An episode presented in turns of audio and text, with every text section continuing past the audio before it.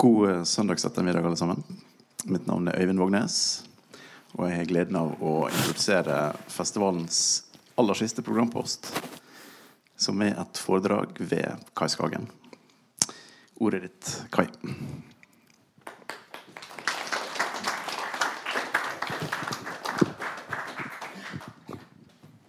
Ja, jeg ehm, Jeg eh, kommer til å lese opp dette foredraget så inderlig som mulig. Og eh,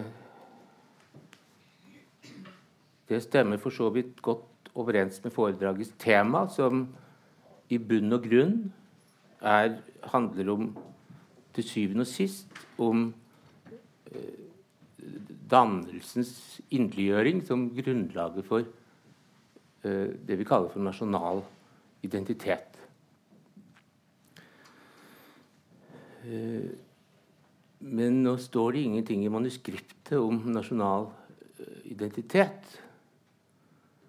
Så jeg tenkte jeg skulle si aller først at nasjonal identitet er ikke den viktigste identiteten vi har ikke den eneste. Um, alt ettersom hvem man spør, vil man få forskjellige svar på spørsmålet om hvor mange identiteter man har, men sikkert er det at det er mange. Den viktigste identiteten er den jeg er selv. Selv om, veldig, selv om jeg godt vet hvem jeg selv er, så er det vanskelig for meg å si det til andre hvem jeg er og enda vanskeligere for de andre å oppfatte det. Likevel er jeg sjelden i tvil om, om, hvem jeg er. Det er den viktigste identiteten. En annen identitet er at det, at det tilhører hele menneskeheten, at jeg er en del av alle. Det er også en veldig viktig identitet. Og inni det, i det store spennet der et sted er nasjonalidentiteten. Den blir viktig etter å ha vært lite viktig, så er den blitt viktig igjen. Pga. at den er under press og truet. Så man spør seg hva har vi noe å miste her. Er det noe viktig som er på vei vekk? Eh, det vel, lå vel også under den, eh, som en motivasjon da jeg skrev denne boken, som um, som står avbildet på plakaten. Um, men det kommer til å bli en litt annen vinkling. Det kommer til å bli det samme temaet som står på plakaten, men en noe annen vinkling. For uh, Da jeg ble bedt om å holde dette foredraget, så opptenkte jeg, så satt jeg med et annet arbeid. tenkte jeg, ja, jeg får ta det jeg kan. Så jeg satte opp um, et referat av denne. Men å holde et foredrag hvor man skal komprimere et budskap i en hel bok, viste å være veldig vanskelig. Syns ikke egentlig at jeg følte meg vel ved det jeg skrev. Så jeg foreslo at kan jeg ta dette helt muntlig. Men det, det, kunne jeg, men da ville jeg få redusert honorar med 75% og det har jeg ikke råd til. Og, så da måtte jeg altså likevel begynne å skrive, men da ble det altså en litt annen vinkling. Så da tok jeg igjen kontakt med arrangøren og spurte om jeg kunne skifte tittel på foredraget. Men det kunne jeg ikke. Men jeg kunne tilpasse foredraget. Det har jeg skriftlig, og det er det jeg har gjort.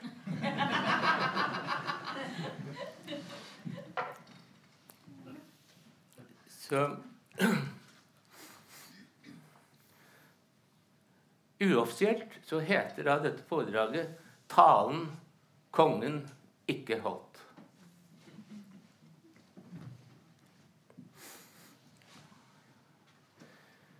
I NRKs faste program 'Året med kongefamilien' første juledag 2015 sa kong Harald at sitat, det er berikende at det er flere kulturer som kommer sammen og lager et rike eller et land. Umiddelbart tenker jeg da på hvordan den norske embetsmannskulturen, bondekulturen og den lavkirkelige legmannskulturen på 1800-tallet kom sammen og laget et Norge med sterke innflytelser fra den franske revolusjon og opplysningstenkning, fra den tyske idealisme med navn som Herder og Hegel, fra tysk pietistisk mystikk og fra den danske reformatoren Grundtvig, som gjennom sin dype innflytelse på den norske lærerstanden påvirket det norske skolevesen i over 100 år.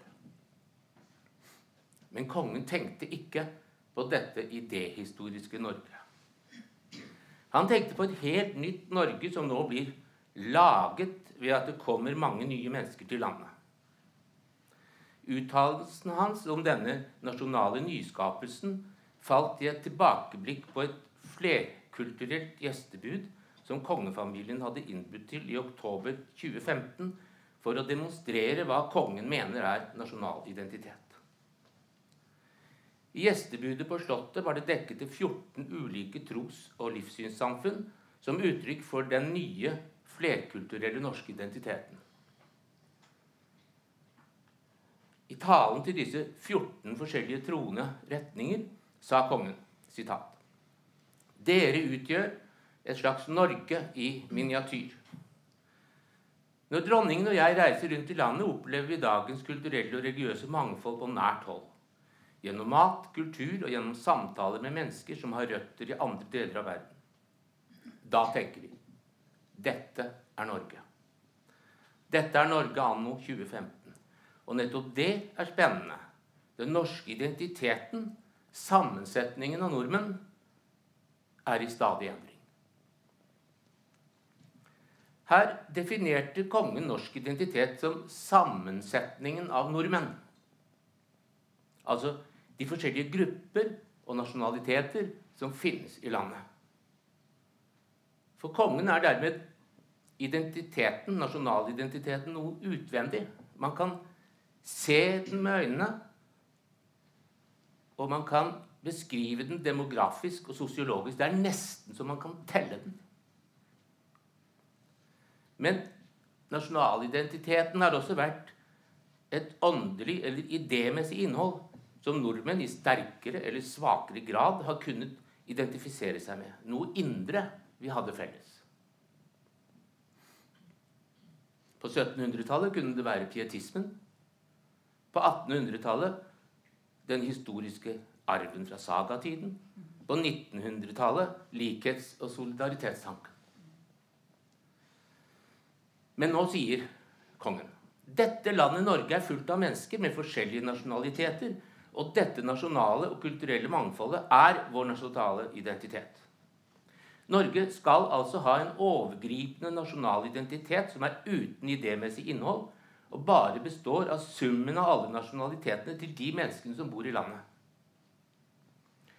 Jeg tror det er over 200 forskjellige nasjonaliteter i Norge. Men hva er da det såkalt norske? Kan min nasjonalidentitet være summen av 200 nasjonaliteter? Hva mener kongen egentlig? Det ville også NRK-journalisten vite. Med tanke på den store innvandringen under den pågående migrant- og flyktningkrisen stilte hun det følgende spørsmålet. Ja, for det er jo noen som mener at det norske blir truet nå. Og Harald svarer, ja, hva er det norske? Straks faller Sonja bekreftende inn. Ja, hva er det norske? Og da ler alle, og journalisten ler med. Alle tre ler. Før Harald griper inn og fortsetter. Hva er det norske? Jeg tror at hvis vi ser fram litt og prøver å tenke hvordan det kommer til å se ut, så tror jeg i hvert fall at vi helt sikkert kommer til å fortsette å være et flerkulturelt land med mange forskjellige regioner. Så det var en selvmotsigende replikkveksel hvor verken kongen, dronningen eller NRK-journalist kunne gi noe svar på hva det norske er. Fordi det norske er jo først og fremst noe rent bevissthetsmessig som vi ikke vil ha lenger. Nasjonalidentiteten består av forestillinger, bilder, ideer, fortellinger, historie. Men nå er hele dette bevissthetsfeltet borte. Det er tømt for innhold. Det er ingenting der. Og kongeparet bare ler overgivent og innforstått sammen med journalisten. Men legg merke til hvor raskt kongen så griper inn og likevel svarer. For han vet hva det norske er. Det norske er det flerkulturelle. Og det er kontinuitet i denne tankegangen hos kongen. For i kongens tale under hagefesten i Slottsparken året etter, den 1. september 2016, stilte han igjen spørsmålet Hva er Norge? Svaret var at Norge fremfor alt er mennesker. Sitat. Norge er fremfor alt mennesker. Dette er den samme grunnideen som i intervjuet i NRK og i talen på det flerkulturelle gjestebudet, så her er det kontinuitet. Det sentrale avsnittet i Hagefestavtalen begynte slik. Nordmenn er nordlendinger, trøndere, sørlendinger og folk fra alle de andre regionene. Nordmenn har også innvandret fra Afghanistan, Pakistan, Polen, Sverige, Somalia og Syria. Legg nå merke til at kongens begrep nordmann stadig er kulturelt tom. Nordmann er man om man bor i Norge. Uansett hvilken kultur man har, uansett hvilket morsmål man snakker. Og kongen fortsatte. Det er ikke alltid så lett å si hvor vi er fra, hvilken nasjonalitet vi tilhører. Det vi kaller hjem, er der hjertet vårt er, og det kan ikke alltid plasseres innenfor landegrenser. Her blir nasjonalitetsbegrep så renskurt for innhold at man kan være norsk selv om man har en helt annen nasjonalitet. Det er altså det rent statsborgerlige nasjonsbegrepet som kongen bruker. For selvfølgelig kan en norsk statsborgers kulturelle nasjonalitet og fedrelandsfølelse knytte til land og folk utenfor Norge. Den nordmannen kongen snakker om her, er ikke kulturelt eller verdimessig, men geografisk og juridisk definert. Konkret så beskriver han nordmennene slik videre. Nordmenn er unge og gamle, høye og lave, funksjonsfriske og rullestolbrukere. Rike, fattige og midt imellom. Nordmenn jobber i butikk, på sykehus, på oljeplattform. Nordmenn er enslige, skilte, barnefamilier og gamle ektepar. Nordmenn er jenter som er glad i jenter, gutter som er glad i gutter, og jenter og gutter som er glad i hverandre. Nordmenn tror på Gud, Allah, Altet og ingenting. Nordmenn liker Grieg og Kygo, Hellbillies og Kari Bremnes. Med andre ord Norge er dere. Norge er oss. Her tar kongen enda et skritt videre fra den talen han holdt i det flerkulturelle gjestebudet på Slottet året før. Han forlater beskrivelsen av nordmenn som forskjellige grupper og beskriver befolkningen som bare enkeltindivider. Men så tar kongen et idémessig syvmilssprang. Først har han indirekte sagt at vi ikke lenger har noe indre fellesskap. Felles religion, fedreland, språk, historie Alt det som gjennom flere hundre år har bundet nordmenn sammen, er sterkt svekket. eneste vi har felles, er at vi befinner oss innenfor landets grenser og kanskje har norsk statsborgerskap. Vi er som en gruppe mennesker som tilfeldig møter hverandre i en heis og mens vi står der og håper på at reisen snart skal være over, og vi kan haste videre til hvert vårt, så stanser heisen mellom to etasjer. Det lyser i en lampe, og vi regner med at hjelpen er nær. Men alt vi hører, er kongen som sier gjennom callingen. Mitt største håp er at Norge at Mitt største håp for Norge er at vi skal klare å ta vare på hverandre. At vi skal bygge dette landet videre på tillit, fellesskap og raushet. At vi skal kjenne at vi på tross av all ulikhet er ett folk. At Norge er ett. Men hvordan skal alle disse isolerte enkeltindividene uten kulturelt fellesskap kunne være ett, nesten organisk sammensmeltet? Hva er det kongen håper på her? Han håper at alle vi som lever i dette landet, skal være så høyt utviklet som enkeltindivider at vi tolererer og respekterer alle andre individer i landet, trass i alle forskjeller mellom oss. Det frie individets devise om 'lev og la leve' er blitt opphøyet til nasjonalideologi. Ja, man kunne si at kong Haralds slentrende, tilsynelatende altomfavnende kåseri er et individualistisk manifest. Man kunne kanskje også sagt kulturradikalt og nyliberalistisk manifest, men det står ikke i mitt manuskript. Men er dette nok til å holde oss sammen som en nasjon? På lang sikt. Nettopp det individualistiske river oss jo løs fra kollektivet og fellesskapet. Og denne individualismen opptrer i en tid hvor verdensøkonomien, teknologien, massemediene, migrasjonen, EU, klimakrisen osv. omtrent alt vi kan tenke på, trekker mot oppløsningen av det tradisjonelle fellesskapet. Hva om en ytre fare plutselig skulle true? Vil toleransen, rosverdig som den er, overleve i vanskelige tider hvor enhver er seg selv nærmest? Når krybben blir tom, oljebrønnene tømt, sparepengene brukt opp og utbetalingene stanser, vil ikke alle disse norske individualistene som ikke har noe annet felles enn sine forskjeller og intet annet å tape enn sine statssubsidier, begynne å bites? Denne idémessige tomheten i den nasjonale norske kulturen er et forholdsvis nytt fenomen.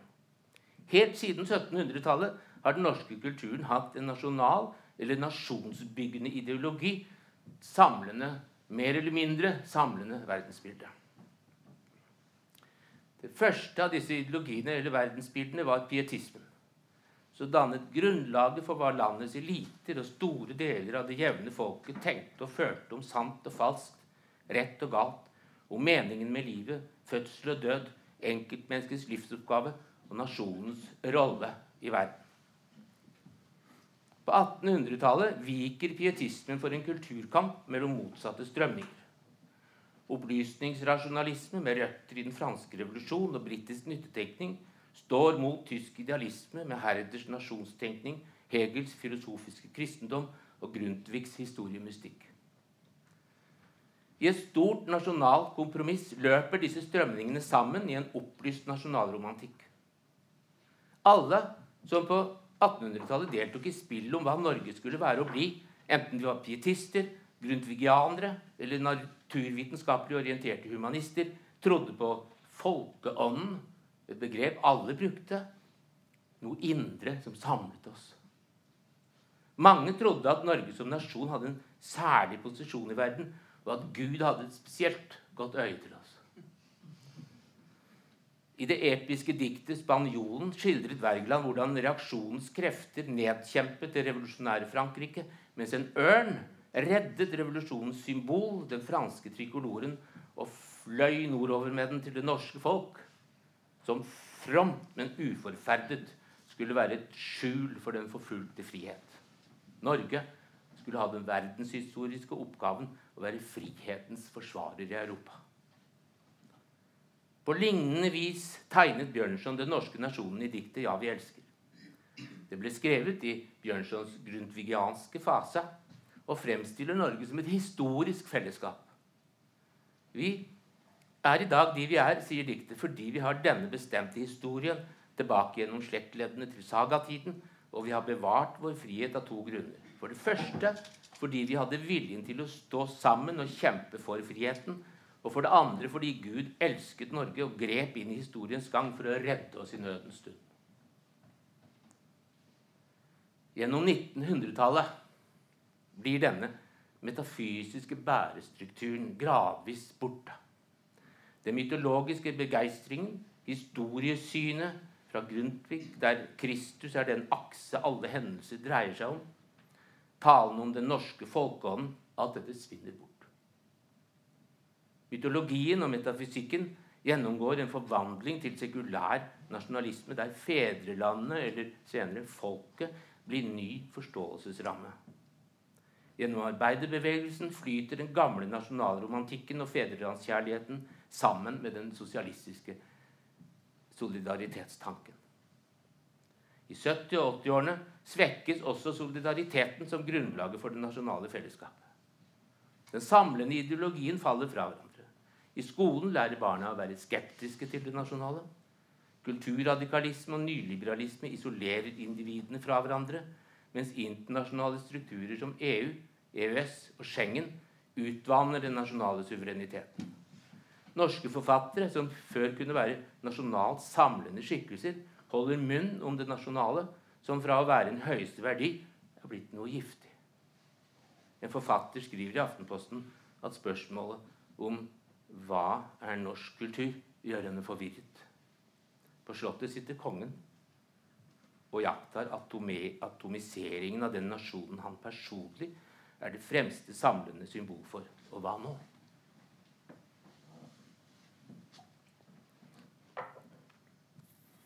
Jeg ser for meg at kongen trer frem for dette folket med de 200 nasjonaliteter. Kanskje i en nyttårstale eller i året med kongefamilien på NRK og sier Kjære alle sammen. Den norske solidariteten og fellesskapsfølelsen er opparbeidet gjennom flere århundrers kulturutvikling. I norsk grålysing knytter historikeren Kåre Lunden kongen er belest mann. I norsk grålysing knytter historikeren Kåre Lunden begynnelsen av den moderne norske nasjonalbevisstheten til tre faktorer. Til Lofthusopprøret 1784-86, bondereisningen mot de danske embetsmennene. Til Haugebevegelsen 1796-1804, som inderliggjorde pietismen og bandt mennesker sammen på tvers av yrker og bosteder. Og til Selskapet for Norges Vel, som ble stiftet i 1809 og arbeidet frem et eget norsk universitet i 1811. Slik hadde vi i begynnelsen til den norske statsdannelsen, før statsdannelsen kom i stand, en begynnende norsk nasjonalbevissthet som var grunnlag for etableringen av nasjonalstaten. Historisk går det således en sammenhengende linje fra nasjonal identitet og fellesskapsfølelse til nasjonalstaten og nasjonal suverenitet, som igjen danner ramme og grunnlag for rettsstat og velferdssamfunn for hele befolkningen. Vi kan ikke ha politisk demokrati sosial solidaritet og økonomisk utjevning uten nasjonalstaten. Og vi kan ikke ha noen nasjonalstat uten et kulturelt fellesskap. Men dette nasjonale fellesskapet behøver ikke være tuftet på et felles etnisk opphav. Sosiologen Max Weber sier at et felles språk kan være viktigst for et trygt nasjonalt fellesskap, men kan erstattes av fellesskap i religion eller historisk tradisjon. Historikeren Øyvind Østerud har i boken 'Nasjonalisme' vist hvordan det etniske nasjonsbegrepet ikke gir plass for den individuelle dimensjonen i det nasjonale fellesskap. Samtidig som det rent statsborgerlige nasjonsbegrepet er for substansløst til å kunne bygge et nasjonalt fellesskap. I Norge har vi hatt et historisk kompromiss, eller samarbeid, mellom statsborgerlig og kulturelt grunnlag for nasjonen. Selvråderett, demokrati, Personlig frihet og liberale politiske verdier som ytringsfrihet, likestilling mellom kjønnene, økonomisk utjevning og humanitær innstilling har vært viktig for oss, mens det kulturelle grunnlaget for dette nasjonale fellesskapet, eller denne solidariteten, har vært ivaretatt av historisk bevissthet, litterære tradisjoner og et nært forhold til norsk natur. Her har det vært et vekselspill. Nasjonalstaten har politisk styrket den nasjonale kulturen, mens den nasjonale kulturen styrket grunnlaget for nasjonalstaten. Og nasjonalstaten var ramme og vilkår for rettsstaten, velferdssamfunnet og den personlige friheten. Ja, også for internasjonal og humanitær innsats. Idet nasjonalstaten svekkes, svekkes dermed også grunnlaget for rettsstaten, velferdssamfunnet, den personlige friheten og for internasjonal og humanitær innsats. Denne svekkelsen inntrer i dag gjennom den grenseløse verdensøkonomien og teknologien som gjør kloden til en eneste stor markedsplass. Snart kan vi alle være engelsk- eller kinesisktalende kunder i et globalt supermarked uten annet fellesskap enn dollar som reservevaluta. Politikken trekker i samme retning. Over 5000 EU-lover er så å si umerkelig flyttet inn i det norske lovverket gjennom EØS-avtalen. En tredjedel av de norske lovene er blitt forandret for å tilpasse oss et EU som dere, kjære landsmenn og -kvinner, ikke ville og ikke vil være medlem av. Og disse forandringene, som dere stemte imot i 1972 og 1994, er for det meste blitt enstemmig vedtatt av Stortinget, som dere, kjære landsmenn og -kvinner, har valgt. Også den internasjonale migrasjonen er en utfordring for de felles verdier, kunnskaper og verdensbilder som har holdt landet vårt sammen i 200 år. Med en tredjedel innvandrere i 2060 blir det en stor utfordring å hindre at befolkningen splittes opp etter etniske, kulturelle økonomiske skillelinjer. Hvordan kan vi møte disse utfordringene? Det som vil oppløse oss utenfra, må vi konsolidere innenfra. Historisk ble den norske nasjonalidentiteten formet gjennom nettopp en slik indre konsolidering. Hans Nissen Hauges vekkelsesbevegelse inderliggjorde kristendommen og gjorde den til noe samlende. Henrik Wergeland var intenst opptatt av folkeopplysningen og så på dannelsen som en prosess hvert enkelt menneske skulle drive videre gjennom hele livet, og på den andre siden av døden, ja, og til slutt stige opp til å bli et høyere vesen. Grundtvigs etterfølgere, folkehøyskolemennene Ole Vik og Kristoffer Brun, ville forvandle hele landet gjennom et skolevesen som realiserte det beste og mest personlige i hver enkelt ungdom. Nå kan ikke vi repetere innholdet hos Hauge, Wergeland og Brun. Vi lever i en annen tid enn dem. Men vi kan lære av det strukturelle grepet. Det er gjennom den kulturelle inderligheten og dannelsen at landet blir bygget og kan bevare seg selv i kommersialismens og forflatningens epoke. Men dette dannelsesarbeidet må ha de beste kår. Det får det bare hvis det er selvstyrt. Derfor må hele dannelsesfeltet fra førskole til universitet settes fri fra statsmaktens innholdsmessige innflytelse, men uten at privatisering legger skoler og universiteter under nye herrer. Gjennom offentlig finansiering og faglig og pedagogisk selvstyre innenfor en felles juridisk ramme må dannelsesfeltet omformes til å verne som en fri, desentralisert dannelsesrepublikk, hvor kun de aktive og kvalifiserte har stemmerett. Her må det bli vanlig å formidle og tenke innenfor lange tradisjoner, ikke bare i dagsperspektivet under bombardementet fra massemediene og fjernstyringen fra politikerne. Bestandig er det snakk om hvordan skolen skal forberede de unge på fremtiden.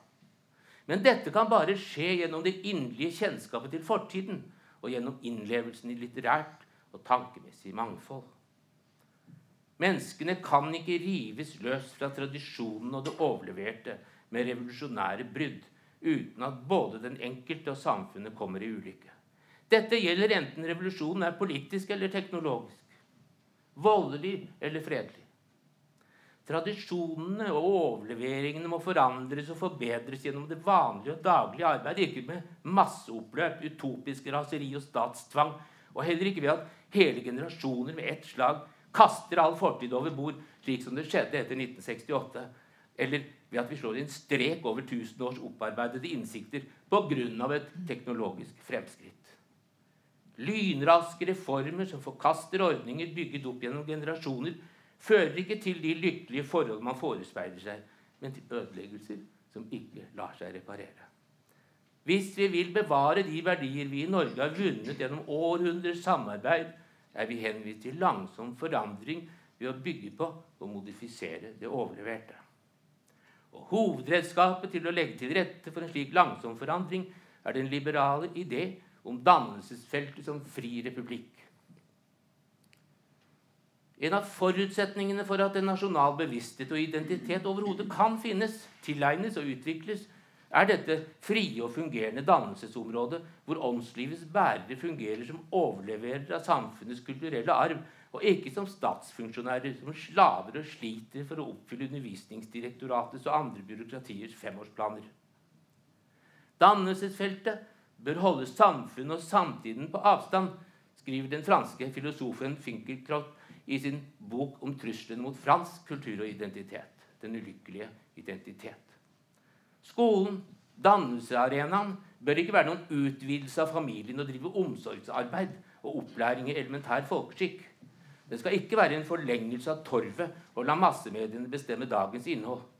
Den skal slett ikke være en underavdeling av statsbyråkratiet, men et eget sted med egne prinsipper og hensikter klart avgrenset fra omverdenen. Lærerne skal ikke være funksjonærer som forestår